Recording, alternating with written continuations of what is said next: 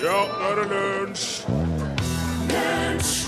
I dag fyller prinsesse Ingrid Alexandra ti år, og som tiåringer flest har jo hun selvsagt tatt nye pressebilder i anledning dagen. Det syns hun sjøl er ganske kjedelig, og vet du hva, Ingrid Alexandra, det skjønner jeg veldig godt. Gratulerer med dagen. Håper du får en ponni. Shaggy. Shaggy og uh, Raven Raven Trodde det var et sminkemerke, men det er åpenbart en artist òg. De spilte i hvert fall og sang Angel eh, aller først i dagens lunsj. NRK P1, velkommen til oss. Velkommen Torfinn Borchhus, eh, produsent. Takk for det. Martin Våge i dag styrer knappene. Ja da. Det blir god greie. Mitt navn er Rune Nilsson, og um, jeg tenkte litt på det der med Altså, franskmenn, vet du. Ja. Franskmenn er jo gjerne litt sånn eh, franske. Intellektuell. Ja, franske. Ja, de er jo det òg. Jeg har vært i Paris en gang. eh, Jeg var på en sånn jobbreise for vi skulle lage musikkprogram på TV. Og jeg synes det, da, da kom jeg hjem så tenkte jeg, nei, for en møkkaplass. For en gjeng. Hva var det der for noe? Og jeg synes det var jeg, tror, jeg var nok litt uheldig. Jeg traff en del sure folk. Det var en taxisjåfør der som nekta. Vi var tre, tre voksne mann med masse utstyr. Ingen fikk sitte foran, for der skulle avisen hans og matboksen hans ligge. Det Stor bil. Alle du sitte Ja, bak. men jeg tror det er litt eh, Jeg tror det er bare her i Norge og litt sånn her nordisk at det er liksom akseptert at folk skal sitte i passasjersetet. Ja, skal sitte bak. Ja. Det var bare en, sånn vanlig Peugeot. I enkelte byer så er det jo rene politibilen, at det er pleksiglass Ja, ja, det imellom. er sant det. Jo. Ja, i alle fall, da. Men han skjønte ikke Vi kom dit vi skulle, og vi så jo at her skal vi gå av, og ropte stopp. Nei, vi kjørte bare. Jeg syns stopp er ganske universelt, og det burde være mulig, til og med med norsk aksent. Du kan ikke bare stoppe midt i trafikken. Nei, Jo, det var fint. Det gjør de i hvert fall, franskmennene, for de er så franske. Men jeg har vært på landsbygda, eh, litt lenger sør, og den sånn eh, nærme Riviera-traktene. Det var mye hyggeligere, men da var jeg kanskje litt heldigere. Men så er det jo samtidig noe med den franske måten å være på. Ofte blir òg til og med franskmenn oppgitt av eh, at folk er så franske. Wow. ja. For det er nå en kaffebar på den franske rivieraen som har tatt eh, konsekvensen av det, og så har de laget et ganske enkelt og eh, jeg vil si genialt system for å tvinge fram litt vanlig, helt normal høflighet og folkeskikk hos eh, kundene sine. På et skilt utenfor kafeen så står det prislister som forklarer det opplegget veldig greit. Der står det um, Altså, hvis du går til disken da, og så sier du 'en kafé', Ja. som betyr en kafé, da koster koppen 7 euro. Ja. Hvis du sier en café s'il vous plaît, ja. da koster koppen 4 euro og 25 cent. Hvis du sier bonjour, un café s'il vous plaît, da koster den 1 euro og 40 cent. Så han gikk ifra å koste Hvor mye var første prisen? 7! Jeg liker det. euro. Å, jeg liker det. Ja. Gikk ifra å koste over 50-lappen til å koste under 10 kroner. ja. Det er bra! Ja. Det syns jeg, var- det synes jeg er helt strålende. Jo hyggeligere du er, jo billigere er kaffen. Ja. Og jeg synes at i et opplyst og sivilisert samfunn som vårt, verdens rikeste verden og alt det der, så bør man kunne forvente et minimum av høflighet når man henvender seg til noen. Istedenfor å si 'jeg skal ha', så kan du si 'jeg skulle gjerne hatt det, kan jeg få'? Dette er jo slik jeg driver med ungene. Ja! Skulle tro at det var lett for voksne folk. Altså, men det er greit at man Null. ja, Null. Det er greit at man betaler for seg, at det skulle bare mangle at man fikk, men likevel. Med mindre, da. Der er jo unntak. Noen steder er det jo lagt opp til roping av presise beskjeder. Da bør man bare rope presise beskjeder. Jeg har også vært en gang på, en- på en McDonald's på, i New York, på Manhattan. Der var det roping som gjaldt. Ja. Your turn, what do you want? Og da måtte du bare si I want a cheeseburger and fries! Og hvis du ikke sa det, så begynner folk med Da begynner de i køen. Oh, yeah, we'll get, get you on, eh. og, og servitøren skal himle med øynene og sette armen demonstrativt til sida. Å jaså, du har så god tid, du, ja. og da bør du vite hva du skal. Og egentlig, når jeg har tenkt meg om på dette her, så syns jeg England er best. England er veldig greit på det. De har så mange regler og kutymer for høflighet at det er helt umulig å misforstå. Du kan ikke snyte deg i altså, uten å si 'excuse me, sir' først, og det syns jeg er helt supert.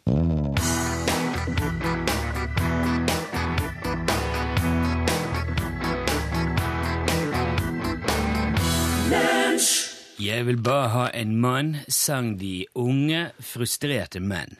Jeg har begynt å lese bruksanvisninger, vet du. Ja, det, For nøye! ja. Ja. Hva Og er det der nå? Står det ting altså som du aldri i verden hadde forventa deg. Hva er det, hva er det Ja. for nå? Hva er det slags bruk? Sånne øreklukker til unger. Sånn, oi, sånn hørselsvern, eh, sånn beskyttel... Nei? Nei, øreklukker. Men- Slik som oss har på oss her nå. Å ja. For, un, for unger. Hodesett, hvis du skal oversette direkte fra engelsk. Ja, jo, jeg, skj- jeg skjønner. Men jeg, jeg var ikke Ja. Så her står det blant annet at um, Er det, er, men står det at det er liksom for kids? Er det for barn? Det er barneheadset? Ja, ja, de okay. er rosa, er med klistremerker og greier, Ja. så du kan uh, Greit, skjønner. person, pers, pers, person, pers, Personifisere det. Ja. Og det er jo ikke Det er jo ikke på norsk her, da, det er på svensk, da. Men det, det er jo greit. det. Om illamående oppstår vid anvendning av hørlurerne, så avbryt genast anvendingen. Eh, det Ja, hvis du blir dårlig av å høre på dem, så ikke gjør det. kan jo ha noe med musikken å gjøre, tenker jeg. Altså, noe musikk kan jo gjøre deg skikkelig dårlig, fysisk. Dårlig. ja, du mener at det burde stått om, om obehag, Ja. illebemående Ja. oppstår, bytte musikk eller avbryte? Ja. Avbryt genast anvendingen. Og så står det også 'sluta anvende hørlurerne om de gir opphov til stort obehag eller irritasjon på huden eller i øronen'. Det kan annars hende at de skader huden eller årsaker eksem eller inflammasjon. Det er jo betennelse. Ja, Inflammasjon. og da er du jo allergisk mot hørlurer, da. Da er du, ja. Men det, men det er jo bra at de gir beskjed om det. Ja da. Ja da. At hvis, du, hvis det er vondt eller ubehagelig eller du blir dårlig, Ja. så slutt med det. Ja, slutt å høre på. Jo, ja, men det står på svensk. Du, kan, du må jo Det er mulig at det hadde stått noe helt annet hvis det hadde vært på norsk. altså. At de har en litt annen form på ting i Norge. Kanskje det er grunnen til at de ikke skriver det på norsk i det hele tatt, fordi at folk flest ja. skjønner det. Jeg vet ikke. Så står det 'senk volymen på ljudenheten innan hørlurerne ansluts'. Høy volumen gradvis efter at hørlurerne har ansluts. Altså, du, skal, altså, du må skru ned før du kobler fra. Kobler det til, ja. Ja, Ja. eller til. Og så skal du begynne lavt og skru opp. ja. Smart. Det er en bra, eh, det er en bra ting. Det gjør, det gjør vi her. Ja, ja. Ja. Om høre øre... Nå, og nå, nå kommer det øron... Altså, på, eh, på hørlurerne så finnes det øronkudder. Og det er jo disse putene som ligger helt eh, innst mot øret, ikke sant? ja. Om öronkuddarna har blivit smutsiga så tørka av dem med en vel utvriden trasa som blöts i vatten. Skjølg inte öronkuddarna i vatten. Å nei. Det visste jeg ikke at du skulle bruke en fuktig klut for å tørke av med. Kuddene. Og så slikka eller bit inte på hølurene, står det. At dette her er jo uunnværlig informasjon Ja. for eh, Her er det noe, ja. Spesielt for barn, da. De har kanskje ikke hatt ø. Kanskje det kan være den første hørluren du får. Ja, ja, det er jo ofte det. Ja. Disse her, her er jo typisk sånn mine, mine første hørlurer. Ja. Og da jeg sa det til jenta mi at her skal du ikke sleike eller bite på, og da var det greit. Leste dere den sammen, og så forklarte du Nei, Jeg går gjennom det, og så tar jeg det for hun det som hun trenger å vite. Ja. Men den siste her, den skremte hun skikkelig, da. ja vel? For her står det Når luften er tørr, til eksempel vintertid, kan statiska støter oppstå vid anvending av hørlurerne. Oi. At hun kan rett og slett få støt i øret sitt hvis det er turt og kaldt. Ja. Og det er det jo her. ja. Men vet du hva, på den tida her kan du få støt eh, i hvor som helst, av hva som helst i det her eh, Ok. forbannede landet. Ja, det skal jeg ikke si til henne, for da vil hun ikke gjøre noen ting lenger. Men sett en liten eh, gryte med vann oppå vedovnen, så hjelper det fort. Jeg skal se det. Fantastisk. Eh, Monica Heldal. To Spellemannpriser fikk hun på, i helga. Ja, minst. Ja, vel fortjent. Det var Boy from the North. Da har vi, eh, vi har gitt Martin en jobb å finne en, eh, en lyd i dag. Det er jo ofte veldig interessant og lærerikt og spennende. Eh, Så vi er jo spent da, Martin. Hva er det vi skal berike oss med i dag? Nei, hør på det her.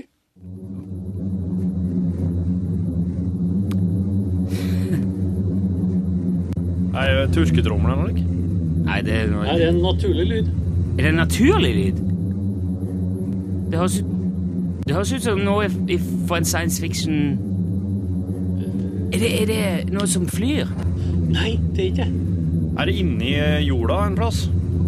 Det er fra jorda. Det er, Det er fra jorda? ja, det er en såkalt syngende sanddyne. Hæ? Ja. En sanddyne?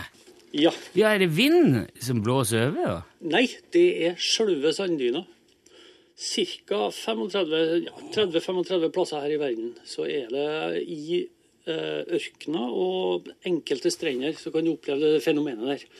Eh, man vet ikke helt hvordan det oppstår, men siste rådende teori det går på at inni sanddyna så er det litt mer fukt.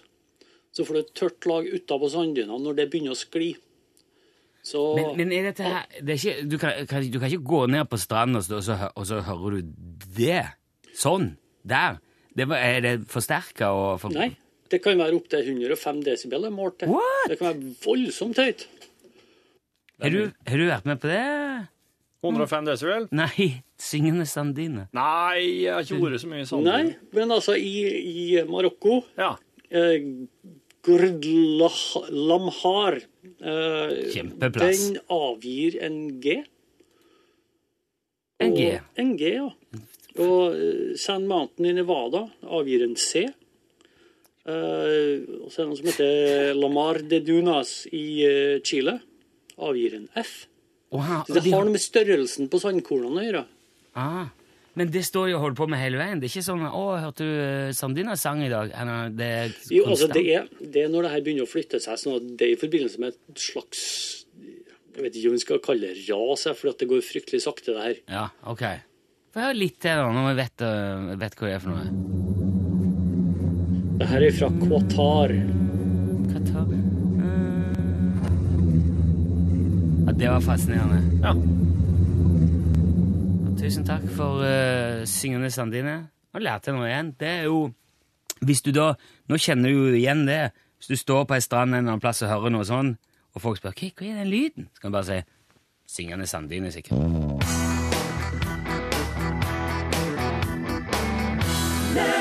Lucas Graham der. Ordinary Things. Eh, I, i eh, gårsdagens sending så tenkte jeg skulle fortelle deg om Leo, men så kom Paul, ja. plassen, og så ble så, Og ja, det var det som var den store Ja, det var, det det henget på ja, slutten. det ble et lite heng der. men Det er ikke så veldig, men det var så, jeg datt over dette her på internett. Jeg syntes det var så flott. Ja. Det var sånn fint. Jeg ble sånn glad inni meg når jeg leste om det. Ja, da kan det være verdt å dele, ja. Ja. Det er da en eh, kar som heter Leo Grand. Leo. 37 år gammel, bor på gata i New York. Hjemløs. Ja. Med alt det som det innebærer. Ja. Ja, han holdt det til i en eh, park, som regel. Sov der. Og så var det en dag i august i fjor, som, eh, som Øystein Sunde synger. Men det var det i august i fjor. Og helt ut av ingenting så kom da 23 år gamle Patrick McConnellog bort til han. Og så gir han da altså denne hjemløse Leo valget mellom enten eh, du kan få 100 dollar med i neven her og nå, Ja. eller så kan du få et eh, to måneders kurs av meg i dataprogrammering. Ja. Jeg kan lære deg å skrive koder. Ja. Eh, programmeringskoder. Ja. Så sier jo Leo da Ja, da tar vi koding, da. Jaha. Ja. Så han ville gjerne lære å programmere. Han var ikke narkoman, da, med andre ord, han Leo. Jeg tror Det, så antagelig eh, ikke, nei. Nei. Um, så dermed satte de i gang, og Patrick skaffa Leo da en brukt laptop Ja. Og et par bøker om programmering. Og så gikk han innom parken der som Leo holdt til, Ja. om morgenen før, på vei til jobb. Ja. Og da brukte de en times tid, satte de seg på en benk i den parken der som, som Leo eh, pleide å sove i. Ja. Og så hadde de der en times tid med litt sånn programmering og kursing og prating og lesing, og så dro Patrick på jobb, og så satt Leo igjen og øvde seg da, og jobba med de der tingene helt til batteriet i laptopen gikk tomt. Ja. Og så eh, etter hvert så fikk han litt sånn, fikk han alliert seg med litt venner og kjente rundt i nærmiljøet der som han holdt til å bo. Ja. Så han fikk lov til å lade den her eh, PC-en i et varehus om natta. Så han klarte liksom å lage en slags rutine på det der. Og så satte de seg da som mål etter hvert at Leo skulle klare å lage sin egen app, sin egen mobilapp, Ja. i løpet av eh, den der perioden på to måneder. Ja. Men så skjønte de etter hvert at det ville ta litt mer enn to måneder å få, det, få Leo i stand til det. Men Patrick sa nei, da, ja, da fortsetter vi bare å kjøre på. Og så kom jo vinteren, og så fikk i mellomtida eh, sjefen til Patrick eh, høre om dette her, så da fikk de lov til å bruke et kontor oh, ja. på jobben hans Ja. til å bare fortsette å eh, trene opp. Og så har de utvikla og prata og holdt på, og nå er altså Leo sin app ute. Anne? Ja, Den uh, ligger i uh, iTunes og, eh, og Android Store og alle de der plassene. Den heter Trees for Cars. Og det er en app som organiserer et slags bilkollektiv, eller en slags pendlekollektiv. da. Hvor du kan avtale med folk i nærområdet eh, som kjører samme vei. Ikke Oi. sant? Så, Oi, det var ingen enkel app han hadde logga heller, nei, nei. det, Det var ikke en lommelykt, liksom. Nei. Nei. Nei, han er jo liksom både miljøvennlig, og han sparer penger for folk. Og, så de, de, de kan jo avtale der og sitte på med hverandre og, og kjøre, kjøre om hverandre. Wow. Og eh, Patrick har jo da i sin tur, altså han som fikk denne ideen, Ja. han har i sin tur inspirert flere andre dataprogrammerere til å gjøre det samme, og nå er det altså jeg har gått over et hundretalls som har meldt interesse for at de vil gjøre det i sitt nærmiljø. Så nå driver han og lager en sånn ordning for eh, at eh, et slags system på det, da. Sette det litt sånn i system. Ja. Og gi de eh, både redskap og tips og råd om hvordan man kan gjøre det enklest mulig. Eh, og dele kunnskap med noen som kanskje trenger å komme seg videre i livet. Så hvis du hører dette og sitter i New York og trenger å få eh, kjørt uh, til og fra jobb eller Jeg har ikke sjekka Den koster sju kroner, den appen. Jeg hadde veldig lyst til å laste den ned bare fordi at Leo skulle få litt penger for det, men jeg, jeg har ikke gjort det ennå. Kanskje jeg skal gjøre det etterpå. Syns det var veldig hyggelig. Syns han fortjente det. Solskinnshistorie. Eh, Del litt kunnskap. Kanskje det kan være helt avgjørende for noen, det.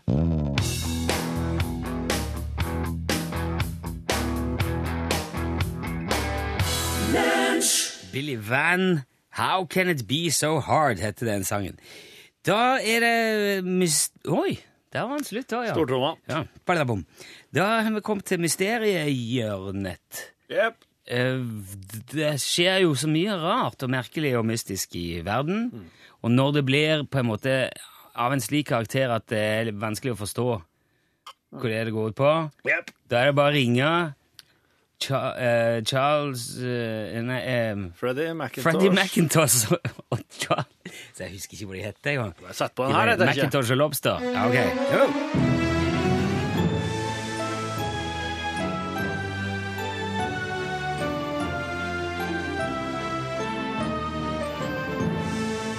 Macintosh og Lobster.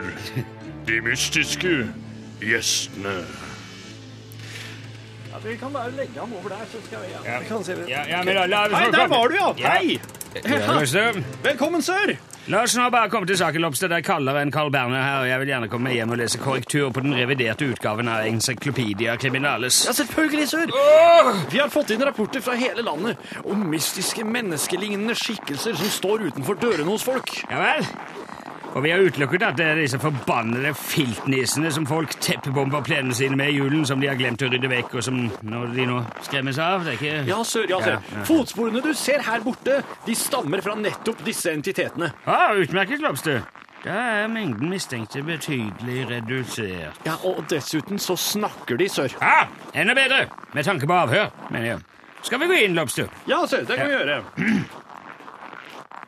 Dette er et av husene som har fått besøk av vesenet. Ja. Eierne blir tatt hånd om av kommunens kriseteam og er for tiden innlosjert på hotell. Nå på døgnet kommer disse fremtoningene fram. De kommer gjerne i skumringen, sør, eller etter at det har blitt mørkt. I helgene gjerne mye, mye senere på kvelden. Hvor lenge oppholder de seg på åstedet, Ja, Det kommer helt an på det, sør. Noen har til og med hatt dem inne i huset. Folks naivitet kjenner ingen grenser, Lobster. Har noen av dem voldt noe skade? Nei, men i alle tilfellene har folk blitt bekymret, og så ringt politiet etter at de har gått. Men hva sier disse enigmatiske fremtoningene? De snakker merkelig, tidvis kaudervelsk og uforståelig. Hør her, en av de fornærmede gjorde et opptak med telefonen sin. Ja.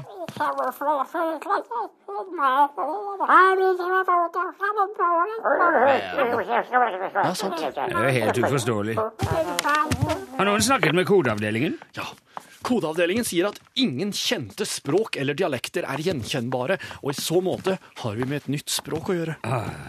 Det minner meg om da jeg vokste opp blant eh, vegetarene på Kole. Skal vi gå ut igjen? Ja, sør, det kan vi. Her ser du tråkket etter dem da de forlot huset. Aha. Vi har fulgt det der med hunder, men det førte etter hvert ut til en trafikkert vei, og der sluttet sporet. Hvordan ser disse gestaltene ut, da, Lobster? Åh. Er det en slags fremtoning? De har på seg gamle klær, sannsynligvis klær de har funnet. Eh, Noen har skinnfeller, noen få har horn, andre har hodeplagg, mer vanlige briller, skjegg, gjerne langt hår, men felles for alt dette er at ingenting av det ser ut til å være naturlig for skikkelsene å gå med. Mange av dem er små av vekst og beveger seg med mye besvær. Ja, nettopp. Og hva gjør de før de forlater stedet, Lobster? De spiser og drikker veldig klumsete det de får servert, og så begynner de å bevege seg mot døra. Ja, nettopp, nettopp, nettopp. Er det noen som har opplevd dette som truende atferd? Vel, eh, mange, mange barn har blitt skremt. Hva er det de spiser og drikker? Er det noen indikasjoner? Gjerne, gjerne kaker eller andre søte ting. Søt drikke også. Likører. Annen bols. Alkoholholdig drikke. Ser ut til å være gjengangere. Er det noen av de fornærmede som har nevnt noen annen agenda? Altså at de, hva, hva ser de ut til å være ute efter? Det virker bare som de vil gjøre seg forstått eller kjent på noe vis, sør. Noen nevnte at det var akkurat som om de forventet å bli gjenkjent. Men når det ikke ble det, så gikk de bare. Ja. Jeg tror du kan sette setevarmeren på scooteren, jeg, Lobster. OK, ja vel, sør. Ja, det er ikke noe kriminelt som har skjedd. Men det, det er riktignok helt på kanten. Hva får deg til å si det? Nei, Det finnes jo ingenting i Norges lover som sier at det er forbudt eller straffbart å gå nyttårsgeit etter 8. januar, men eh, her må det jo brukes skjønn. Nyttårsgeit. Be distriktskontorene opprette liste over folk som går lussi og julebukk og nyttårsgeit og holder munn oppsyn, Lobster. Det skal jeg gjøre, sør. Vel hjem. Dette er sludder. Hei, hei. Ha det bra.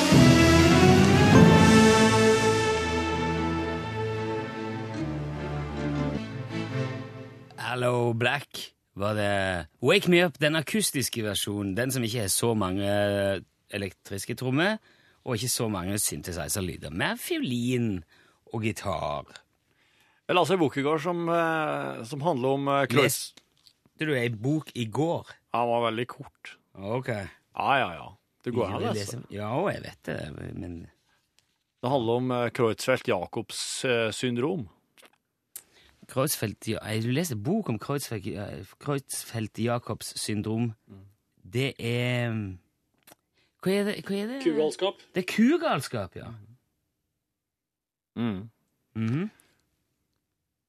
er, det- ja. Mm. Jeg las hele den i går. Ja. ja. Er det hva, jeg, Hæ? jeg forstår jeg, skjønner. Hva er det du ler av? meg? Har du skjønt det? Hva er det jeg ikke skjønner her nå? Hva er det? Nei. Nei, altså Hvis han ikke har noe mer å melde, så Nei, er ja, hva sto det i den? Å, bra! Der kom det, ja. Oh, Nei, Først så klarte jeg ikke helt å huske hva det var jeg leste, men så forvandla hele boka seg til et litt sånn aggressivt magasin. Og så så jeg veldig mye solsikker på sykkel som kappe og tøskjoner. ok.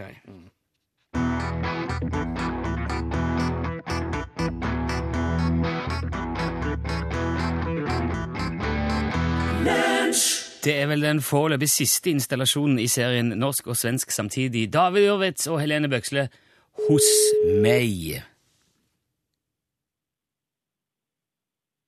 Utslagsnes Skav og Transport, vær så god. God dag, god dag. Har vi, kom, har vi kommet til Bergen? Vi har kommet til Bergen, ja. Ja, så hyggelig. God dag, nordmann. God dag. Du, eh, jeg la merke til nå, altså Du bytter om eh, eh, skarv og transport, men det, det syns jeg det, det kommer vi ikke til å trekke for. Ja vel, ja. Ja, det er egentlig transport og skarv. For det var jo transport som var primærfunksjonen eh, på Utslagsnes, og så har skarven kommet til etter hvert. Men eh, det at man setter på en måte det organiske, altså fuglen først, det syns jeg er et forsonende trekk, nordmann. Er du glad i dyr, nordmann? Ja da. Ja. Eh, Og eh, uthula og laska skarv. Ja, det går jo det, selvfølgelig. er det Nå skulle jeg til å spørre om det var lenge siden du hadde meldt deg på, men det er det jo ikke, for vi har jo begynt på nytt her. Jo, nei, men jeg meldte meg på forrige gang òg. Å ja! eh, har det, har det forekommet at du har avgitt dette svaret når noen andre har ringt? Ja, mye flere ganger. Ser du det? Har det avstedkommet noe, noe artig? Ja, Noen påstår jeg kom feil, og noen sier at jeg ikke er helt god. Så det at... eh, ja, vi er jo framfor en absurd hverdag. Det som er så fint, er jo at eh, det kan jo skje igjen. Vi har jo opplevd det flere ganger at eh, vi har kommet til å trekke ut samme navn igjen. Så jeg hadde ikke slutta med det når man nå, bare fordi Nei, men det har ikke vi tenkt å gjøre heller. Nei, veldig, veldig bra. Men nå er jo du i praksis eier av den eksklusive Utslagsnes Transport og Skarv skyggelua. Og den, Ja. den kommer jo i to forskjellige eh, design, begge like utmerka og med hvit logo, men eh, med basis i enten svart eller kamuflasje. Hvis jeg får velge, så har jeg foretrukket svart. Ja, men du, du gjør det. Det er derfor jeg tar det opp. Det er fordi at du får Ja. velge. Og da skriver jeg svart. Er du en, er du en hattemann, nordmann? Pleier du å gå med? Eh, Det hender når det er litt kaldt. Ja, ja. Ikke Denne, sånn Stetson-hatt, den er mer sånn caps. ja, ja, men det er jo perfekt, for dette er jo det kan gjerne betegnet som caps. Han gjør lite for ørene, denne her, men uh, han er veldig pen å se til. Ja, ja, men det går helt fint, det. Ja, super. Du, Nordmann, tusen takk for at du var med. Det var veldig hyggelig å ha deg her. Vi sender pakke i posten i dag med. Det var hyggelig du ringte òg. Ja, Takk skal du ha. i like måte. Ha det bra, Nordmann. Ha det, ha det, ja. Hvis du vil være med på dette her, altså hvis du tror at du er i stand til å fungere som en slags eh, vikar for eh, eh, sentralbordet på Utslagsnes Transport og Skarv, så må du melde deg på. Det gjør du ved å sende en tekstmelding hvor du skriver da aller først i meldingen UTS, og så et mellomrom, og ditt eget navn og adresse. Sende det til 1987. En liten krone senere så er du påmeldt. Ja. Og da betyr det at hvis det ringer hos deg på, omtrent på denne tida, kanskje, eller litt før eller senere, eller omkring, så må du svare. Utslagsnes Transport og Skarv, får- vær så god. Da får du lua! Den fine, gode lua. Eh, ja, ok. Dette var hyggelig. Da skal vi spille musikk. Her er The Supremes. Where did our where... Skal jeg ta det på engelsk? Ja. Where did our love, love go? Kjære folk.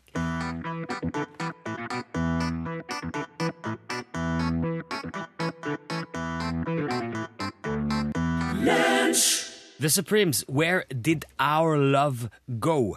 Sånn er det skal sies. Når eh, skal du lade mobilen din, Tor- Torfinn? Eh, om natta, eller på jobb, eller Ikke, men når, når skal du lade den når den er tom?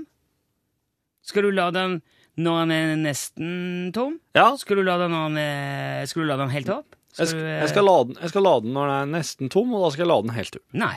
Hæ? Nei, jeg skal ikke det. Å nei. Nei, Hvis du vil at eh, batteriet i telefonen din, ditt uh, litium-ion-batteri, skal vare lengst mulig, Ja. så skal du lade den eh, før batteriet er tomt. Du skal prøve å holde den på mellom 40 og 60% kapasitet. Da kan du forlenge levetid til batteriet med 20-25 ganger. Men vent litt nå. Du skal lade den når den er nesten tom. Nei, og Du, du skal lade den før den er tom. Ja, men når skal jeg begynne å lade den? Nei, nei, den er på sånn 40-30% da lader du. Og da lader du den opp til Ja, Hvis du klarer å la være å lade den lenger enn til 80, så gjør du det veldig skarpt. Ok, så mellom 40 og 80, liksom. Mobilen din trives best hvis han er eh, ca. halvveis lada og i romtemperatur. Halvveis lada? Ja. Hva er det for noe slags svada? Nei, det er jo, altså det må du jo spørre batteriet om, men jeg har fått dette her fra en som har doktorgrad i batteriteknologi, og hvis ikke han vet hva han snakker om, så er det ingen som gjør det. Ja, det her er um, dok doktorgrad i batteriteknologi. Yes! Intet mindre. Uh, så, og jeg har alltid trodd at man av og til må man ut, lade den helt ut, for da blir den mye bedre, men det er bare, det er ikke tilfellet. Så uh, ca. halvveis romtemperatur. Dagens tips. Eh, han Pål Plassen ser ikke ut til å komme, han. Nei, vet du hva, Pål Plassen har sikkert blitt eh, Kanskje han er blitt forstyrra med noe, kanskje han har hatt det veldig travelt, kanskje han er midt inne i noen viktige forberedelser. Det som er helt sikkert, er at nå er det nyheter, deretter norgesklasse. Ja, der sa han et sant ord. Hent inn uh, skorseseliste mens jeg er borte, så kan jeg mekke sammen alt til i morgen tidlig. Ja, ja, det fikser vi, vet du. Ja da. Mm. Stemmen du hører, er Andreas Hadsel Opsvik og, og den andre, Rune Ja. Håkonsen. Ja, hallo. Hei. Her er kontoret til lunsj. Ja, det er så godt, det er så godt å være tilbake. da. En stund siden jeg har vært innom og, og prata ski. sant. Jeg har aldri vært her før. Jeg er imponert over den diskokula dere har i taket. Det er veldig bra. Ja, den står på hele tida, men den lager nesten ikke lyd. Nei, det er ganske Hør nå. Ja, Ikke sant? Ja. Imponerende. Ja, men det er jo litt sånn eh, Litt sånn altså, vi vil ha det her altså, Omtrent som om det er fest hele tida. Med sprit og kokain og lesbiske dansere. For å si det sånn, ikke se under bordet, er det det? Ikke slå ned bordet. Nei. Du, Hvor er- hvor er Rune hen, da? Altså, nå har jeg skjønt at jeg blir henta inn som Rune-vikar. Ja, du er Rune. Ja, jeg er ny Rune-vikar. Når Rune er sjuk, så må jeg ha inn en annen Rune. Så så han bare som gått rett fra lufta, så Ja. nå må jeg hjem? da? Jo, han er, han er litt sånn um, forkjøla. Ja. Ja. Vondt i hodet og snufsete og, og veldig sånn I dag så, i dag så sa jeg til ham på sending sa jeg, I går så la seg ei bok som handler om Kreuzfeldt-Jacobs syndrom. Nei, nei, nei. Og så sier og så sier han Ja. og så hvis, noen sier til, hvis, hvis du sier til meg Fortell meg om ei bok du har. Si at du har lest For å si noe. Jeg Jeg jeg nylig lest en bok Ja, om, eh, om, eh, om strupekreft. Ok, hvordan var den? Den var eh, Ja, der så, så du hva jeg gjorde nå? Ja. Jeg spurte deg hvordan den boka du akkurat har lest, var. Ja. Slik gjorde ikke en Rune i dag. vet du. Han trodde det var hele vitsen. Han trodde, han trodde det var poenget. Den, han trodde hele setninga der. I går la seg ei bok om Kreutzfeldt-Jacobs syndrom. Han trodde, så ute var han i dag at han trodde det var alt. Kan jeg komme med en digresjon? Ja. Jeg, har, jeg ble stoppa faktisk på flyplass i USA med frykt for at jeg skulle innføre uh, Kreutzfeldt-Jakob og Muno klovsyke til det amerikanske kontinentet. Å! Hva var det du hadde med deg da? Ja, du, det, her, det er så rart. For jeg skulle besøke en, en kompis som bor i, eller bodde da, i Texas. Ja. Og ikke sant, når man som norsk venn reiser på besøk til det store utland, så tar man jo med seg de matvarene som kanskje ikke er så lett å få tak i da, Ja. i, i dette amerikanske Mm. eh, Du mener sånn Oreos og sånn? For eksempel. Ja. Men så, hadde jeg pakka ned gulost, brunost, sjokolade, leverpostei osv. osv. Ja. Og på veien for å lande da i Minneapolis, Minnesota, altså det er jo the Norwegian heartland of America, Ja. så, eh, ikke sant, så fylte jeg ut tolv papirene og var liksom «Å, Herregud, jeg kommer til å bli stoppa. Jeg er kjempenervøs. Mm. Amerikanere er sånn supersure når de skal gjennom tollen og, og immigration og sånn, så jeg var jo litt sånn der, Mm. Ja. Litt nervøs på at jeg skulle rekke flighten min og alt det der, så jeg bare, ok, greit. Eh, jeg går til den første vakta. Ja. Og ser ut som det sånn Excuse me, sir. Uh, where should I show this? Liksom, hvor skal jeg vise fram denne greia, sånn at jeg bare kan komme meg gjennom med bagasjen? Så tar han den der lille tolldeklarasjonslappen min. ja. Ikke sant? Da skal du se for deg en brysk, litt stuttjukk amerikansk eh, customs officer med Ja. en uh, drakt som har sett Altså, han har fylt ut drakta etter hvert, for sånn. Den var litt trang. Jeg ser på den en stund og sånn Well, sir.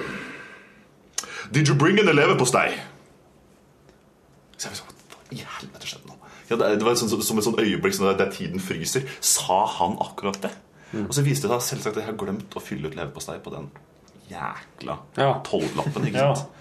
Så jeg bare sånn Å, herregud. Oh, sorry. Yeah, of course. Uh, I totally forgot to put it up. Og han bare surner sånn «Ugh». Du kan se at Ansiktet nesten bare gikk ned som sånn rullegardin. ikke sant? Ja. Sir, step right this way, sir. Oh. Gjennom hele bagasjen. Eh, gulost, brunost, sjokolade, ikke noe problem. Men eh, leverbaserte kjøttprodukter Ja. helt uaktuelt. Ja. eh, da nettopp pga. munn- klovsyke og Kreuzfeldt-Jacobs-greiene. Men så kommer liksom det, det, det, det fine. ikke? Jeg bare hvor I helvete! Går det an å banne på podkasten, forresten? Ja. Ja, godt. Men i helvete kan denne fyren snakke så godt norsk? Ja. Så jeg går bort og først prøver sånn uh, Unnskyld, unnskyld. Og han bare sånn skjønner ingenting. Så sånn, Sorry, uh, how did you know about leverpostei? Ja. Og kommer tilbake med den der mest selvfølgelige. Vi må huske at vi er i Minnesota nå. Ja. Minneapolis. Ja. Every goddamn Norwegian that comes through this airport brings leverpostei. så jeg var sånn ja, ja, ja. Thank you, sir. og så måtte jeg reise meg videre. Der, så da måtte jeg legge igjen et par bokser med sånn eh, med sånn smilebarn på. vet du Ja, ja, ja. Så det var tydeligvis eh, kjent materiale. Mm. Men ja, det var en liten digresjon. Ja. En aldri så liten digresjon. Ja, nå måtte jeg faktisk tenke meg om for å huske hva det var som var en fyr det der. Kreuzfeldt Jakob, du hadde lest bok og var litt Ja. skuffa over Så så eh, ute var Rune i dag. Ja. Eh, og derfor så sa jo at han at han bare måtte få lov til å gå hjem etter sending. Og derfor stakk jeg innom kontoret til Filmpolitiet. Føler du, føler dere fravær på hverandre og sånn, eller? Nei. Nei. Ikke slik eh, Altså, så lenge folk er med på radiosendinga, så er vi fornøyd. Ja, Ja. Det er liksom det viktigste. Ja, det er det. For at eh, i podkasten så føler vi at det er, en, det er helt annen takhøgde for å ha inn andre folk. Og Det er derfor jeg er med, skjønner jeg. Her har vi jo f.eks. det nå. Andreas, det her er jo din første tur i podkasten. Det stemmer. Jeg føler meg veldig bedre. Hvordan går det med podkast i Filmpolitiet? Har dere noe, Fortsetter dere noe med det? Nei, det er lite av det, altså. Ikke sånn, ikke sånn spesialbonusmateriale? Men det, det henger litt sammen med sånn arbeidstid og sånn at vi er Ja. på jobb til samme tid. Men, eh, men nå vi skal love en ny podkastsatsing fra Filmpolitiet sin del også. For vi, ja, vi har jo mye ting som man kan gjøre, vet du. Ja. Men eh, Nei, det siste så har det vært lite av det. Eh, Men jeg har liksom litt sånn Er det hvor, mange er det som egentlig laster ned podkaster? Det lurer jeg litt på. Altså, de, Ja. de tallene sitter sikkert analyseavdelingen til NRK på, men jeg, jeg, er ikke helt sånn sikker på det sjøl. Så, men jeg hørte jo nå at dere har fått eh, ønsker om mer curlingpodkast, uh, Ja. aka i gårsdagen. Så jeg må jo si at der er det jo noen trofaste følgere. Hei til dere, forresten. Hyggelig. Ja. Den curlingpodkasten er jo en eh, Det er jo et slags eh, Det er jo et slags veldig sånn skille i lunsjpodkasten, egentlig. For at eh, Rune Nilsson var jo egentlig en del av curlingmiljøet her i det rommet her. Mm. Helt til han Oppdaget at det var glatt Det var glatt. Da, da, da feiga han ut. Men eh, så har vi etter hvert bare Kanskje en gang eller to ganger i måneden bare hivd inn curlinglaget her og hatt en curlingspesial. Men det er jo en meddelsom gjeng, det òg. Men da går han Rune. Da går han Det, det, det ikke. Nei, det er ikke noe vits for han å være med på det. Men det, det er jo nyttig. Det, det er deilig å kunne variere podkasten litt. Grann. Men Har dere og hatt noe på sendinga om denne brannen ennå, eller har dere holdt dere litt sånn unna? Nei, altså prøver å ikke ha så mye med virkeligheten å gjøre, faktisk. Ja, Da holder dere liksom sånn cle- Ja. clear out? Ja ehm, Den brannen i Lærdal Ja, ja, ja. Ja, det er vanskelig å lage humor på det, vet du. Det er jo ingen som er dødd, men folk er jo husløse. Og det er jo eh, Jeg vet ikke. Nei eh, Altså, gikk det egentlig med huset deres der? Det gikk bra. Jeg har, jo, Hæ, har du hus der? Ja, jeg har hus i Lærdal. Eh, familien bor der, og det var ganske heftig. Men det gikk bra med både hus og mine nærmeste. Så oh, ja. Jeg trodde du var bergenser, jeg. ja, nei, en lang historie. Ja. Og Pass på å ikke sause for mye sammen mellom da disse vestnorske Ja, nei, men jeg har jo bodd i Du Bergen. prater jo ikke lærdalsk. Nei, Nei. det er jeg ikke. Jeg er født i Bergen, Ja. men vokste opp i Sogn. Ok. Lærdal. Ja, ja. Så derfor eh, jeg har absolutt fulgt veldig nøye med. da Ja, så klart. Eh, Men det har jo gått egentlig fryktelig eh, Etter forholda, må en vel nesten si. Ja. eh, bra. Ja.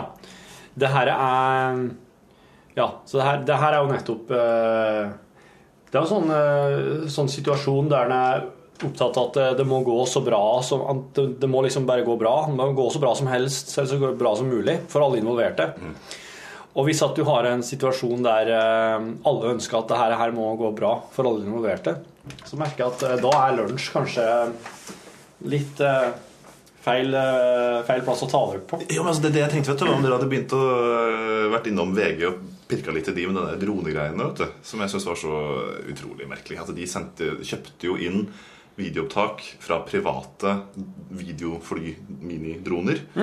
Og så Som flaug over? Ja, Ja. ikke sant? Og så eh, på forsida til VG så sto det da også samtidig Ja. 'Droner hemmer brannslukkingsarbeidet'. Ja. Så ble det litt sånn derre ah, oh, Ja. oh, Her har man kanskje gjort en liten dobbeltbooking. For det, var, det var litt sånn eh, Men Og så sier alle sier jo om igjen og om igjen Men de dronene vi kjøpte inn av, de var, de var før forbudet kom. Så, ja, men hvorfor kom forbudet da? Ja, ikke sant. Så de, forsvarer seg litt der. Men eh, ja, kryss i taket, bank i bordet. Det gikk så bra som det gikk. altså, akkurat det der. Ja. Ja, ja. Hvor- Hvordan er det at droner hemmer brannslukking? For dem så eh, Nei, men altså, hvis, du altså, hvis det er en liten eh, mygd av en drone Ja. som potensielt kan havne inn i motoren på helikopteret ditt ja. De drev med sånne brannslukningshelikoptre. Ja, ja. altså det er rett og slett det at eh, Hvis disse dronene er her, så Ja. står jo de i fare for å, få, å kunne krasje i Ja, ja. propellene, altså miste kontroll og Ikke sant? Ja, vi, ja. Men så, sånn ved siden av brannfolket så var det jo veldig mange frivillige som gjorde ganske masse eh, eh, godt arbeid i Lærdal. Blant annet så kjørte de rundt på sånn gyllevogn. Altså skitvogn, da. Ja. Eh, og spraya med vann? Og spraya vann. Ja. Så mamma sa at hun hadde aldri vært så begeistra for å vaske vinduene sine rene for liksom drit. Nei, nei, nei. For det kom jo da som følge av Ja. traktorene som hadde spylt vann opp etter vegger. Ja, det var et par traktorer med med, med møkksprayer, som man kaller det, som redda et gardsbruk der jeg kommer fra en sommer for noen år siden. Da det begynte å brenne i gresset. Så det var Det er effektivt, det. Jeg, ble, jeg tenker at det også er litt sånn for de som bor i tettbebygde trehusstrøk. Eksempel her i Trondheim, som, som vi sitter, så er jo en by dominert mye av det. Altså, det, skal, det, det, det er en grei påminnelse på hvor jækla lite som skal til før det går til dundas. Altså. De har ikke funnet årsaken ennå. Nei, det er jo vel Da har vi funnet huset, eh, men det har ikke Der det starta. Ja, men jeg har ikke helt uh, funnet ut hva det er. Men det er sånn hvis den, den først setter i gang med noe sånt, så jeg tror det kan veldig fort bli sånn uh, skyld, Ja, sant. skyldpåførelse hvis en går altfor hardt ut med det. Så en får Ja. vente til, til Kripos uh, Ja. sier hva er. Ja. For det kan jo være, det kan jo være alt mulig. Det er kjipt, da. Det er sikkert uh, de, Alle kjenner alle og sånn. Nei, jeg kjenner jo eh, Om ikke kjenner deg nært personlig, så er jeg i hvert fall bekjent med de fleste som mista huset. Ja. Det er en veldig interessant ting for meg som har vokst opp i en litt større by, altså øh, Skien. ja. Hvor det, du er jo Folldalen, og så antar størrelsesmessig et sted hvor folk kjenner folk. ja. Eh, Det, det er en sånn en, en, øh, Jeg har aldri opplevd det. Jeg synes det er så rart å tenke på den at du skal vite Ja. ha kjennskap til alt som skjer rundt deg, eller alle som er rundt deg. Så Ja. sånn Hvor mange bor det i Folldal? 1600. Ja. ja. Det er vel 2000 i Lærdal. Det 2003. Folldalen er spredt på et veldig stort område, da, så, så det er ikke sånn eh, Det er ikke så veldig mye sånn tettbebyggelse, egentlig, men det er jo noe, da, så klart, i den, der det liksom er butikker og sånn, så blir det jo litt flere folk. Ja, Lærdal er litt sånn Å ja, her er det en dal der jeg kan ta på begge fjellsidene samtidig. Kan ikke vi bygge masse hus her? Så må da være litt av problemet med kastevinduer og alt mulig. eh, ja, sant. Nei, Jeg det har aldri opplevd den, den biten av sånne småsamfunn-ting. Jeg tror det er øh, altså Hvis man skal først snakke om, om forskjellen mellom bygd og by, så er det bare den forståelsen tror jeg, er en av de hovedtingene. Altså. Ja. For at det bare det er helt Det høres rart ut. Eksotisk. ja, det er jo ganske eksotisk. For min del. Men en annen eksotisk ting som bare var et utrolig artig perspektiv, at jeg kom over en bok av ei amerikansk dame som har blitt altså, så begeistra for norsk hyttekultur Ja. at hun har skrevet en innføring i norsk hyttekultur for fremmedspråklige, eh, men da illustrert liksom som en sånn billedbok. Hvor hun da måtte... Er det eh, er illustratør og litt sånn forskjellig? Ja, jeg tror det. Jeg Ja. lurer på om jeg har den boka sjøl. Men det- Ikke at jeg trenger eh, innføring i hyttekultur for det fremmedspråklige, men jeg har nå fått den, da. Ja, men det var et utrolig festlig blikk inn på altså, hvilke elementer av det å dra på hytte Ja. i den norske forstand var det hun trakk fram og sånn omtalte. Å, det er så varmt og flott å se at det gjør sånn. Har du hørt at det går an å gå på tur? Ja. Det er mulig bare gå. Ja. At du ikke må en plass. At du bare ender opp på samme plass der du begynte. Ja, og så, så henta hun for eksempel da, sånn sommer- og vinterhytter. Sånne typiske sånn fellesaktiviteter som da går under betegnelsen kos. Har vi et engelsk ord som passer liksom At nå skal vi kose oss? Ja, ja, ja. ja. For det var, også, det, var, det, var liksom, det var en ting som var helt uforståelig for denne amerikanske damen. var altså Begrepet å kose seg. Nå skal vi kose oss sammen. Som en felles aktivitet. Det var også veldig rart. Så hun da trakk fram bl.a. drikke kakao foran peisen ja. som liksom en sånn typisk norsk ting. Og så var det å nakenbade fra brygga om sommeren. var liksom de to beste eksemplene. Og tenkte jeg sånn, ja, ja, jo, jeg skjønner jo det. Ja. Men at det var så eksotisk, det var også litt, eh, litt merkelig. Nå ser jeg en Martin Aas sitte utafor her og venter Nei! på å bli eh, Driver Martin Aas og venter? Martin Aas er for høflig. Nei, bare kom og inn. Du må ikke vente, Martin.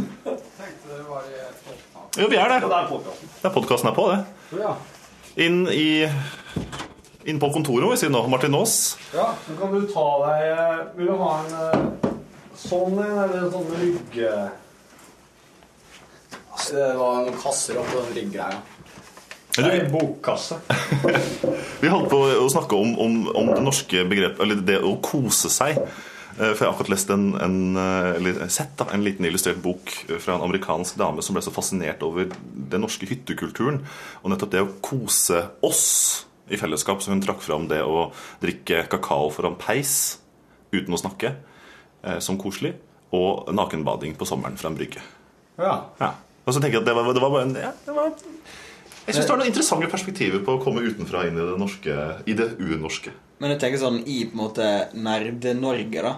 Som jeg jo eh, har en viss bekjentskap med, jeg må jeg jo ærlig innrømme. Bare for å understreke nå, Andreas underdriver.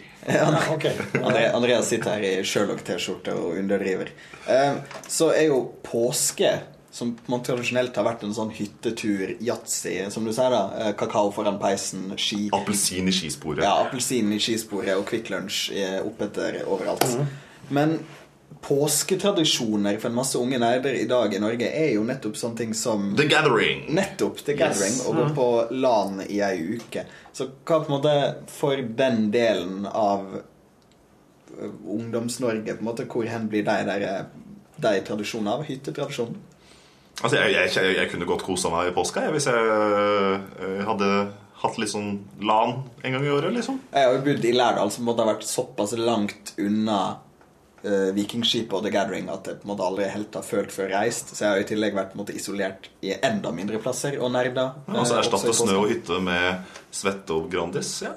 Så det, det viktigste her er jo kosen, eh, mer enn sånn formen av det. Så dersom appelsinen i skisporet dør ut til fordel for eh, svette- Grandis og svette på The Gathering. Svett mikrobølgeovn Grandis i Vikingskipet. Så Grandis og Dota. Eh, og Kvikk Lunch, da. Det er viktig. Hva er Dota? Det er et uh, veldig populært konkurransespill som brukes mye i i rett og slett e-sport-sammenheng. Jeg må kanskje, kanskje fortelle kort hva det er, for det finnes da Overraskende nok nå øh, det siste, altså I løpet av 2013 da, så har antallet mennesker i Norge som lever utelukkende og får lønn av å spille dataspill, øh, økt med 1000 Og det er da i kon konkurransesammenheng der det er i turneringer, akkurat som våre ja, staute gutter i skisporet stort sett eh, gjør. Hva står. Dota for, da? Eh, eh, Defense of the Ancients, selvfølgelig. Et oh, ganske wow. pompøst uh, dataspillnavn. Men eh, det er, er interessant å se hvor Kan vi ikke ta en liten sånn felles spådom her nå? Hvor lang tid tar det før dataspill kommer inn under OL? Eh, Jeg tror OL eh, Altså, de- forsvinner før det. Ja, rett og slett, for altså, Hele problemet til OL er at de må jo fortsatt være interessante for de yngste TV-seerne og, og, og folk for at det skal kunne fortsette å være så stort. da. Altså, Det er ikke sånn gitt at OL bare fortsetter å være det mest populære ting. Det overrasker meg hvor fort sære sporter blir fascinerende. Altså Jeg har satt og fulgt dart-VM på Eurosport bare fordi at det er på TV. Og her i rommet så har jo plutselig curling sikkert uh, tatt et par Man Vi kommer sikkert til å følge med litt på curling når det blir Sotsji og greier, men, eh, men det er et godt poeng med OL at de ikke har eh, nødvendigvis så mye for de unge. For det, det, de trodde sikkert at når det, når det ble snøbrettkjøring i OL, at det kom til å bli en sånn redning. Men det har vært veldig anstrengt til forholdet mellom snøbrett og OL. da For det representerer De kommer sikkert til å prøve å få inn skateboard før de prøver å få inn eh, e-sport. Og sjakk, for øvrig. Ja. Som kanskje har mer til, sånn mer til felles med dataspill egentlig enn uh, det meste utgangspunktet har. Kunne gått litt tilbake i tid. Henta fram noen gamle greiner i stedet. Lastebilkjøring, f.eks., var jo i, på 1900-tallet. 1900 i Paris så var lastebilkjøring en egen grein. En OL Ja, ja. Var det, var det veldig dårlig lastebil eller noe sånt? Nei, var det var, helt vanlig lastebil? men det, var, eh, men det, det antas jo eh, at uh, franskmennene lagde på det her tidspunktet da, lagde en del greiner som de visste de hadde gode utøvere i. Mm. Og det var jo lokale som gjerne vant. Ja, ja i starten. Og, men det interessante er jo faktisk bare en liten eh, fun fact angående lastebilkjøring og kjøretøy i Frankrike litt sånn tidlig på 1900-tallet, der OL tross alt eh, gjenoppsto da, i, Frankrike, var jo at den første sånn trafikkreglene tror jeg Frankrike var at det ikke var lov til å kjøre raskere enn ganghastighet. Og det måtte gå en egen vakt foran bilen med rødt flagg for å advare potensielle mennesker i omegn om at et kjøretøy nå var på vei. Og da tenker jeg sånn ja, Sett i moderne bruk, så er jo alt poenget borte. Men eh, det, det at eh, de også mente at det var helt utenkelig at et menneske kunne sitte i en bil som gikk fortere enn var det 8 km i timen, eller Ja. sånne ting, fordi at det ville føre til alvorlige int- Altså eh, alvorlige eh, Sånn G-kraft. Nei, men altså at det ville, det ville flytte på innvollene dine i så stor Ja. grad at det ville være helseskadelig. Ja, ja. Det synes jeg også er kjempegøy. Så der har vi tidlig trafikklovgivning som kanskje ikke skal gå til etterfølgelse i dag. Men på samme tidspunkt var det jo òg OL-greiene var jo dikting. Så det er jo ikke sånn at det alltid har vært måte, de store atletiske bragdene som har vært uh... Dikting? Er det, Ja. er, Ja, altså, skulptur- drar du ting til ræva nå? Nei, nei, helt seriøst. Dikting. Uh, OL-presidenten på det tidspunktet var vel en av medaljemottakerne. Uh, fordi han deltok i OL-greien dikting.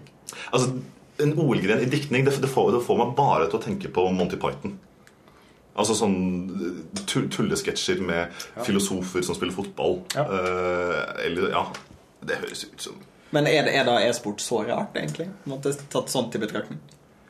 Nei! Det er jo kjempenormalt i forhold til diktning.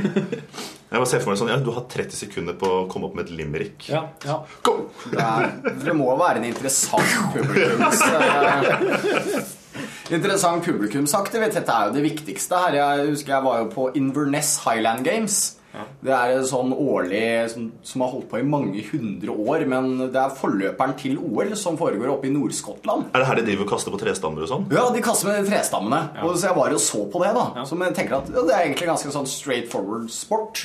Hvor de da har noen sånn tre meter høye trestammer som du skal da kaste, og så skal de snurre rundt 180 grader, treffe bakken, og så skal de da helst hoppe videre. Ja. Hvis du da klarer å få den liksom til å ta en full 360 og så lande, får du poeng etter vinkelen den lander på. Som i seg selv er veldig vanskelig. Men det vi også erfarte, var jo at uh, de får jo ganske stor medfart, disse svære tømmerstokkene, ved å bli kasta såpass. Og regelen tilsier at for at det skal være rettferdig, så må alle kaste med samme stokk. Så hvis du f.eks. hadde kommet til deltaker nummer fem, og så sprakk stokken, som den ofte gjorde, så begynte man på nytt. Og i På nytt, ja. Ja, Så det her tok jo fem timer. Og det, det viste seg at de hadde med en hel sånn svær trailer med tømmerstokker. da. Så det her var de forberedt på. Alle var klare for det her, bortsett fra meg. Så du var sånn! Og så bare Hva skjer nå? Var du der og, og filma for FK Sport, eller var det bare rein og skjær ferietur? Uh, rein og skjær ferietur. Eh, vi hadde hørt om det her vi skulle til på sånn whiskytur til Skottland. Så hørte vi at ok, da, men da må vi innom Inverness Highland Games. Så ja, når er det? Nei, det er litt sånn, det er ingen som helt veit, men det pleier å være i slutten av juli. Til, tilfelle at du var der, egentlig. Ja, det var flaks at vi traff det akkurat ja. inni den andre dagen av lekene. eller noe sånt. Hvilke andre skotske sporter er det som man utfører der, da? Er det sånn type haggis-kasting eller noe sånt? Nei, altså de har hatt øh, konekasting. Konekasting? Konebæring, tror jeg. Konebæring.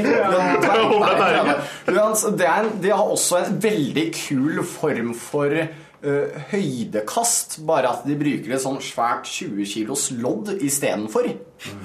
Så da Altså Istedenfor å kaste langt, så skal du kaste høyt? Ja, ja, så, så da står du med det loddet, og så kaster du det rett opp over deg, og så over en sånn stang.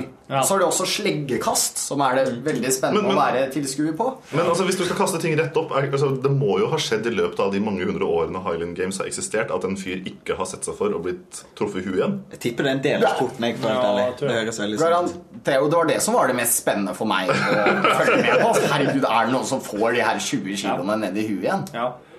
Eh, og så mellom hvert sånn arrangement og halftime og sånn, så kommer da de inn sånn tradisjonelt uh, sekkepipekorps og sånn, og dansende småjenter. Men det rareste på Inverness Highland Games, det er at uh, Royal Air Force har sitt eget hoppeslott. For å rekruttere folk. Det er fint, det.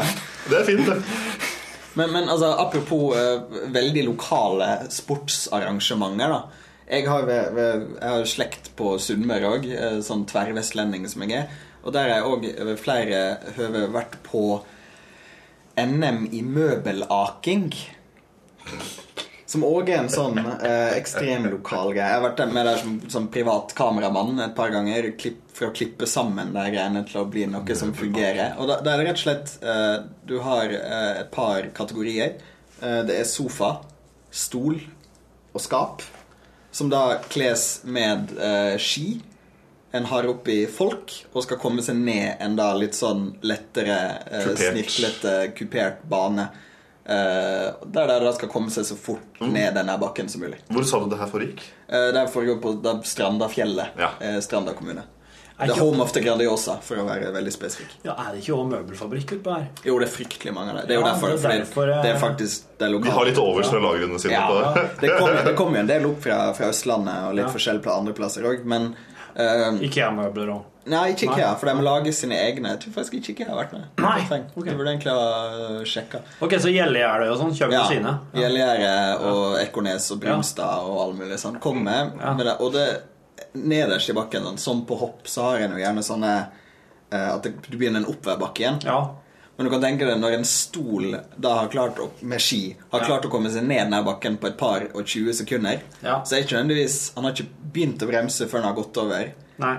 Så det er et par ganger at rett og slett stol med ski har bare fælt utafor den der bremsebakken som de bruker på slutten, eh, og, og bare sånn snissa publikummere i full fart på vei ut. Er det dette det gamle, fantastiske underholdningsprogrammet Ta sjansen er inspirert av? Nei, jeg tror Eller omvendt, kanskje? Eller, nei, ja, for det, det her kom nok etter Ta sjansen. Men det, det er ingen sånn Du skal rett og slett bare komme deg ned en slalåmbakke så fort som overhodet mulig. Her vil jeg bare få lov til å slenge inn at er det én ting jeg savner av NRKs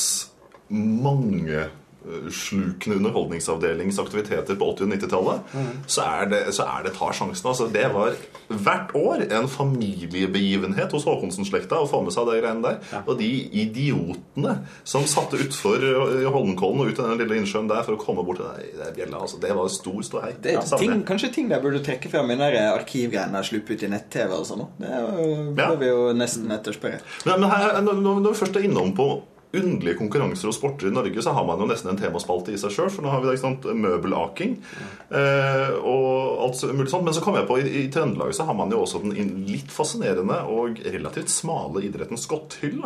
Ja. Som eh, ved visse perioder på 80- og 90-tallet var enormt stort. Men sånn basse og sånn er jo lokaltrønderske ting som ikke egentlig er, Altså, jeg hadde aldri hørt om basse på Vestlandet. Det var ikke før jeg Jeg tenker liksom at Basse er litt mer sånn populært takket være hackesack eh, og sånn. Ja. Det er vel litt det samme. eh, Nei, sk- til så er det jo en, en slags kubbvariant der du med en par kilos tung jerndiskos kaster på spesialkonstruerte baner, som da ligger for øvrig dotta rundt i hele Trondheimsdistriktet. Utrolig merkelig, altså. Men, men så, så, jeg, jeg lag, var jo med å lage denne liksom, dokumentaren da, eh, om den der møbelakinga. Mm. Eh, og en god del av de her eh, møbelfabrikkene har jo sånn samarbeid med japanske møbelprodusenter. Og Uh, jeg har på en måte et visst sånt marked for sånt i Japan. Og, og da de her japanerne oppdaga møbelaking så etterspurte de DVD på DVD på DVD med det her videoene. videoen. Og det har, det har visst blitt veldig sånn en sånn uh, artig uh, gavegjenstand for den her samarbeidspartnerne til de ulike uh, ja, ulike møbelfabrikkene i Norge. At de leverer da med en NM i møbelaking-film. Det hadde kanskje vært noe av det artigste jeg kan se for meg hvis det plutselig dukka opp et nytt TV-konsept fra Japan med møbelaking. Altså, jeg, Crazy Japanese game show! oh, furniture down here! Faste sofa! Faste sofa! Faste sofa! Den, den eh, dokumentaren du har redigert opp, den, blir altså, den er populær i Japan. Jeg har vært med på et par av de eh, greiene. Mm. Ser du, altså? Så, ja, så, så det fastslår vel egentlig en gang for alle at ja, det er faktisk absolutt alt som er big in Japan. Ja. Sjøl min tilværelse Marte Hedenstad er nå big in Thailand, stemmer det? Ja. og, eh, og det var egentlig derfor du skulle hit ned, Martin, for å fortelle om at du passer katten til Marte Hedenstad. Det, det gjør jeg. Mens hun, er, hun og kjæresten nei, hun og mannen er i Thailand. Ja, så er jeg barnevakt for en liten kattunge. Du er jo som kjent eh, eh, lidenskapelig opptatt av katt. Hvem er det som ikke er det? Ja, hvem er ikke Jeg er ikke lidenskapelig opptatt av katt. Men eh, jeg forstår kattefascinasjonen. kattefascinasjon. Men jeg skjønner at eh, du kan ikke ha den katten her hjemme hos deg. Nei, eh, det er jo Han er jo såpass ung at uh, Jeg tror han er 17-18 uker eller noe sånt. At han må da være bo hjemme hos dem. Den har åpna øynene og alt det der? Ja, ja, ja. ja det løper Rått? Jeg tror katter blir født med åpne øyne, nesten. Jeg trodde de hadde dem eh, lukka et par ja. dager etter de var født. Aldri tatt imot en nyfødt katt. Nei. Men ja, nei, så Eh, nei, så de, de bor eh, hjemme hos dem, og da eh, må jeg også delvis gjøre det, da. Det, ja, Så du bor ikke der hele døgnet? Jeg sover ikke der. Nei. Du drar hjem for å sove? Ja. Og så drar jeg på jobb, og så kommer jeg eh, hjem til den, da. Jeg syns, altså, det, er- det er veldig mye å be om at noen skal henge hjemme hos meg på ferie mens jeg er borte for å henge med katta. Jeg, jeg, jeg okay. det er- virker som det er veldig voldsomt. er det internett der? Uh, ja, men jeg har ikke wifi-passordet. Men, Men det er 3G-dekning.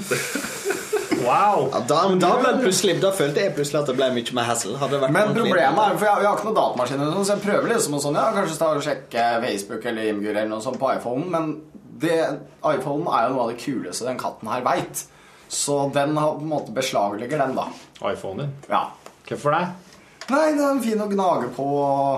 Du la Eller bur så Marte Hedenstad i 14 dager, og du la katten hennes gnogge på iPhonen din. Nei, nei, men det er derfor jeg ikke kan ta fram iPhonen iPhone nå. Nå skal det sies at nå er det, nå er det mitt skift nå, da. Vi har hatt en annen kollega som har vært uh, innom Åh. eh, tidligere. Ok, ja vel. Uh, Har du bodd der lenge nå? Nei, det var i går. Var første Ja, første skift. Ja, første skift så var jeg der en seks timers tid. Ja. Ja. Eh, og det var, det var veldig koselig. Det var veldig pratsom. Får du penger for dette her? Nei, jeg får vel eh, min lønn i himmelen. Ja, det Men eh, det, Lønn i himmelen, Martin Aas. Du tror jo ikke på noen gud. Nei. Men han, han snakker bokstavelig talt. Han skal bli skutt opp i lufta. Nei, altså Og der er pengene oppi. Jeg tenker at det sånn optimale jeg kan få ut av det her, det er hvis den gjør noe kjempemorsomt. Ja. Jeg klarer å filme det, legger det ut og får masse internettpoeng.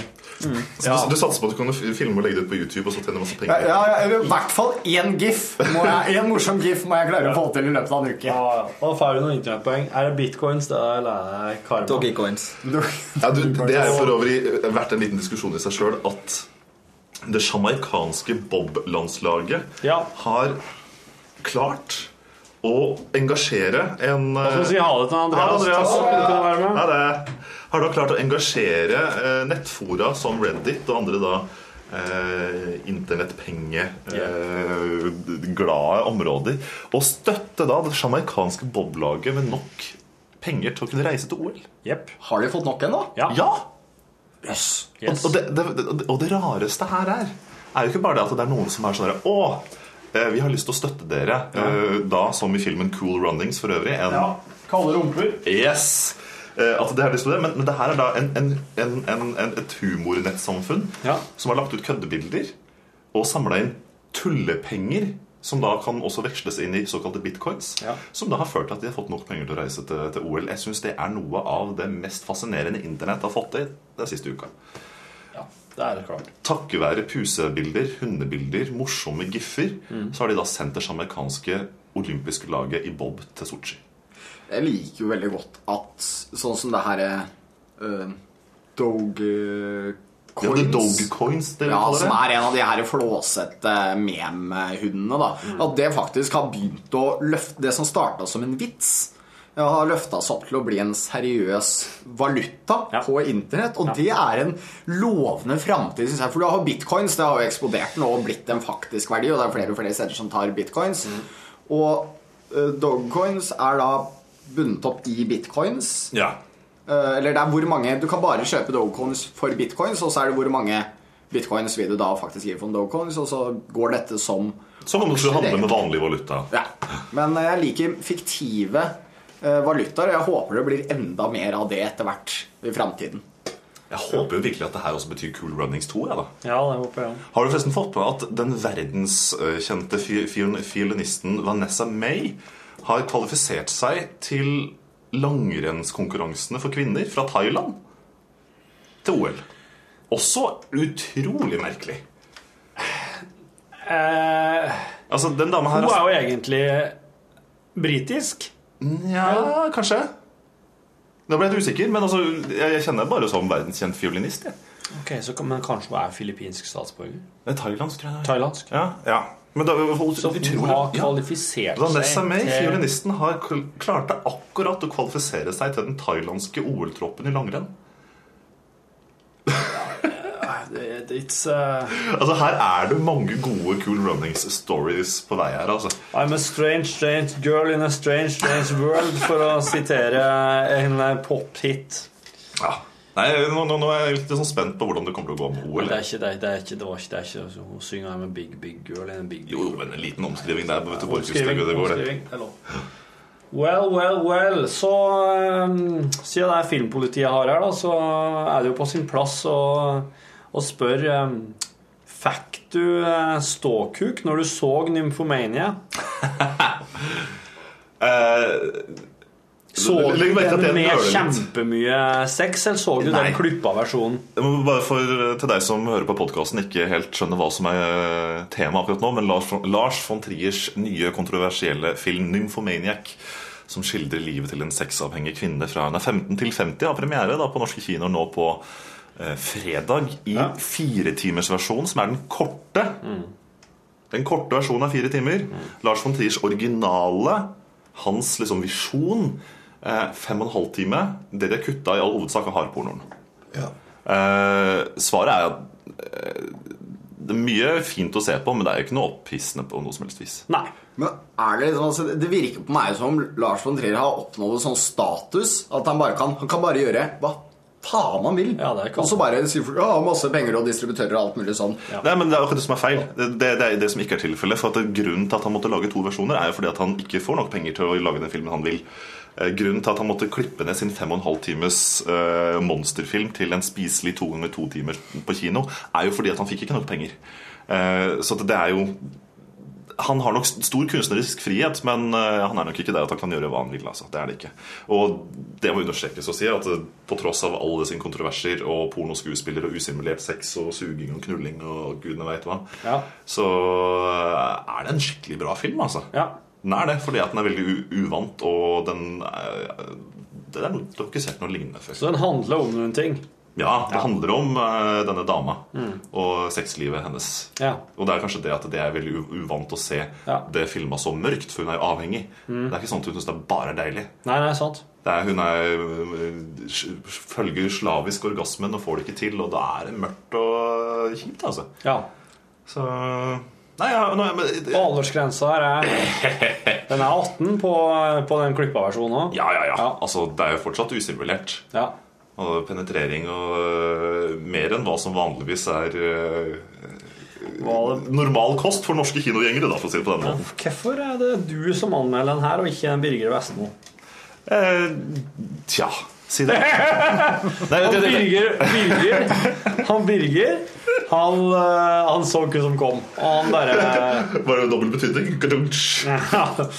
Nei, det kan godt være. Jeg er veldig glad i øh, sånne speisa, rare, ekstreme filmer som utfordrer. Da. Så kanskje det er derfor at han fant ut det var like greit å bare sende av gårde en som uh, veit hva det her handler om. Jo, men det er jo fint at dere er litt sånn eh, spesialiserte da i filmpolitiet. At uh, han Birger har en konse på eh, action. The Blockbusters. Ja. Jo da. Jeg, jeg, jeg, tror- jeg tror ikke det er så veldig mange som kommer til å gå og se Nymphomaniac. Nei. Det tror jeg ikke, for den er eh, for lang, for sær. Men eh, de som ser den, tror jeg kommer til å oppleve at den er også jævlig bra. Altså. De ekstra filminteresserte kommer nok til å se den. Ja, må jo selvfølgelig da. Eh, Egenreklame. Gå inn på p3.no og søk opp Nymphomaniac. Jeg, jeg, hadde en litt sånn interessant litt sånn, Jeg kan ta litt sånn behind the scenes hvordan filmpolitiet jobber. For jeg måtte gå inn i studio og skal lese inn da den muntlige versjonen av anmeldelsen som skal, som skal gå på radio og uh, nett, eh, TV osv. Og så eh, måtte jeg bruke fem minutter på å bestemme meg om jeg skulle si det. Ja. Fordi at åpningssetningen i anmeldelsen som jeg har skrevet, terningkast fem for øvrig, er et sitat fra hovedpersonen. Noe av det første hun sier i filmen, og det er 'Jeg oppdaget fitta mi da jeg var to år'. Der har du allerede satt stemningen, altså. Oss, oss som har små eh, jentebarn, kan jo kjenne oss igjen i den. Så eh, for å si det, er vel noen, noen som blir litt sånn her, jeg, kan, kan, skal, Å nei, skal vi se på det her? Og det blir voldsomt. Det blir voldsomt. Jeg, jeg tror jeg hadde switcha. Nei, jeg syns det er en, en toppfilm. Det var terningkast fem, da. Tross alt. Tross alt. Kontroversielt, men ja, ja, ja. Det, men eh, er det ikke en stund siden du anmeldte den? da? Jo, men jeg var eh, så, Den har kinepremiere i Norge denne uka. Ja. Men eh, jeg var da så heldig at jeg kunne reise til København i Ja. starten av eh, desember og se Ja. den sammen med von Trier. I lag med von Trier. Satt ikke i Nei, nei, altså, altså, altså Han var ikke i kinosalen. Men, eh, og han, han gjør ikke intervjuer heller. vet du Nei, nei. Men det interessante var jo da eh, vi skulle gjøre intervjuene etterpå. Ja, For du intervjua Stellan Skarsgård. Stellan Skarsgård, Charlotte Gainsbourg Ja. og Stacey Martin. Eh, Von Trier han bare var der. Og bare i kraft av å være der, så Ja. skjønner man litt hans person, hans aura, hans Mm. påvirkning. Som f.eks. idet han gikk ut av hotellet og det skulle være en sånn felles fotoshoot, så overfaller eh, nesten bokstavelig talt en, en eh, stramt kledd eh, kvinnelig reporter fra danske TV 2, som er jo supertabloide. Ja.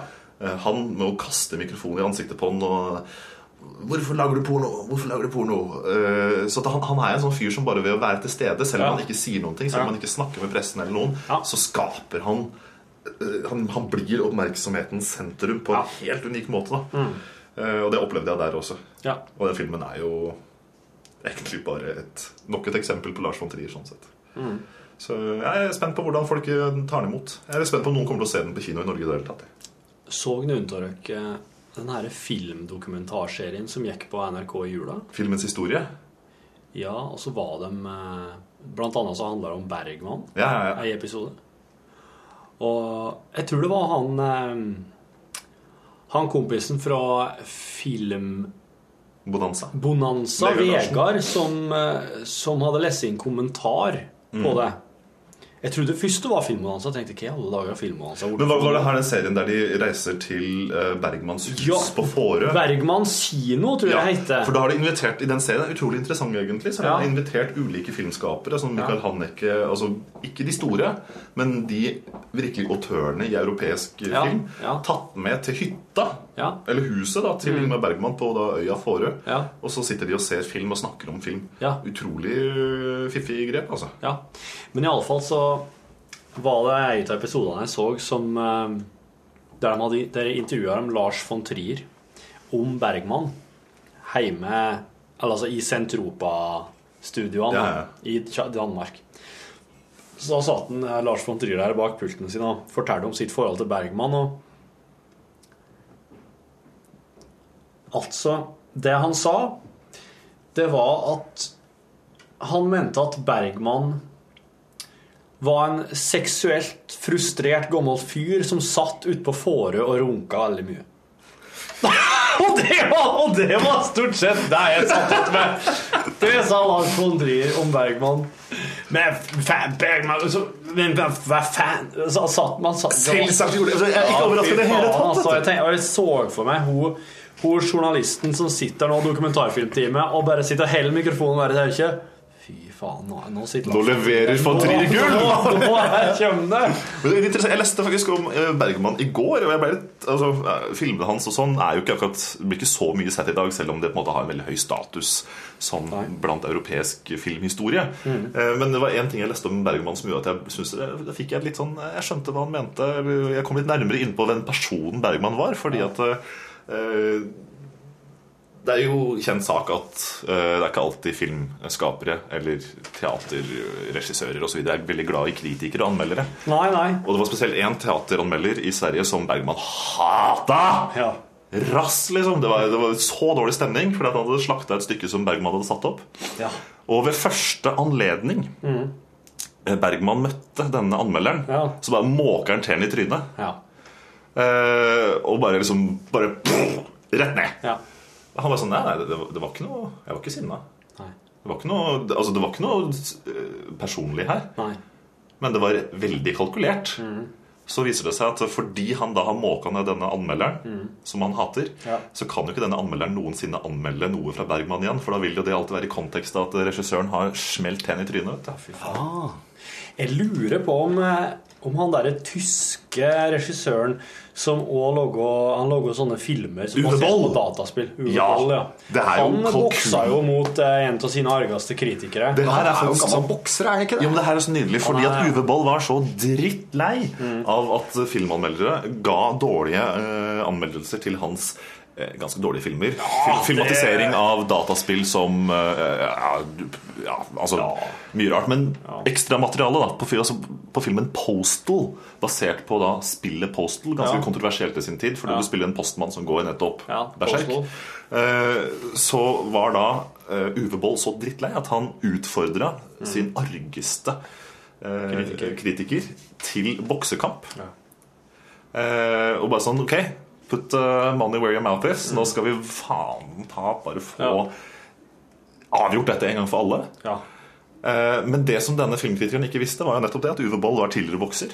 At Uwe Boll hadde satt opp eh, rundt denne bokseringen et flerkamerateam. Ja. Så han filma da, Uwe Boll, at han banka driten ut av denne filmanmelderen. Ja, noe så Ja. Og så putta han det på bonusmaterialet på DVD-en til Posten. ja. Det, det da, da snakker du om eh, ekte sinne. Og han kritikeren der kan jo aldri anmelde en eh, Ove Boll-film. Nei, litt samme. Hva, du, Du- ble banka filmen Boll. bare fordi du tapte i boksekamp med Boll? Ja. Så, så ja. Eh, Festlig. Uh, jeg ville til vanlig vegret meg sterkt med å sette et likhetstegn mellom Uwe Boll og Ingvar, Ingmar eh, Bergman, men akkurat i dette tilfellet Ja, akkurat i det tilfellet så er det fellestrekk, ja. Så der klarte oss faktisk det i dagens eh, podkast fra lunsj, som har inneholdt eh, stort sett Filmpolitiet Veldig mye rar prat. Det var veldig Ja. trivelig, det, Torfinn. Du, må, du må gjerne invitere oss flere ganger hvis Rune blir litt sånn uh, småsjuk. Og... Ja, jeg skal gjøre det. Skal gjøre det. det er jo alltid artig å ha inn noen andre. Hvis ikke så blir det bare en Rune som sitter her nede på kontoret og prøver å mjølke en ukse. Og, iblant så kommer den ruksen ut av hele kontoret, eh, og da er det artig. Men eh, stort sett altså, ja, For det meste så er det ganske Ja, ja, ja.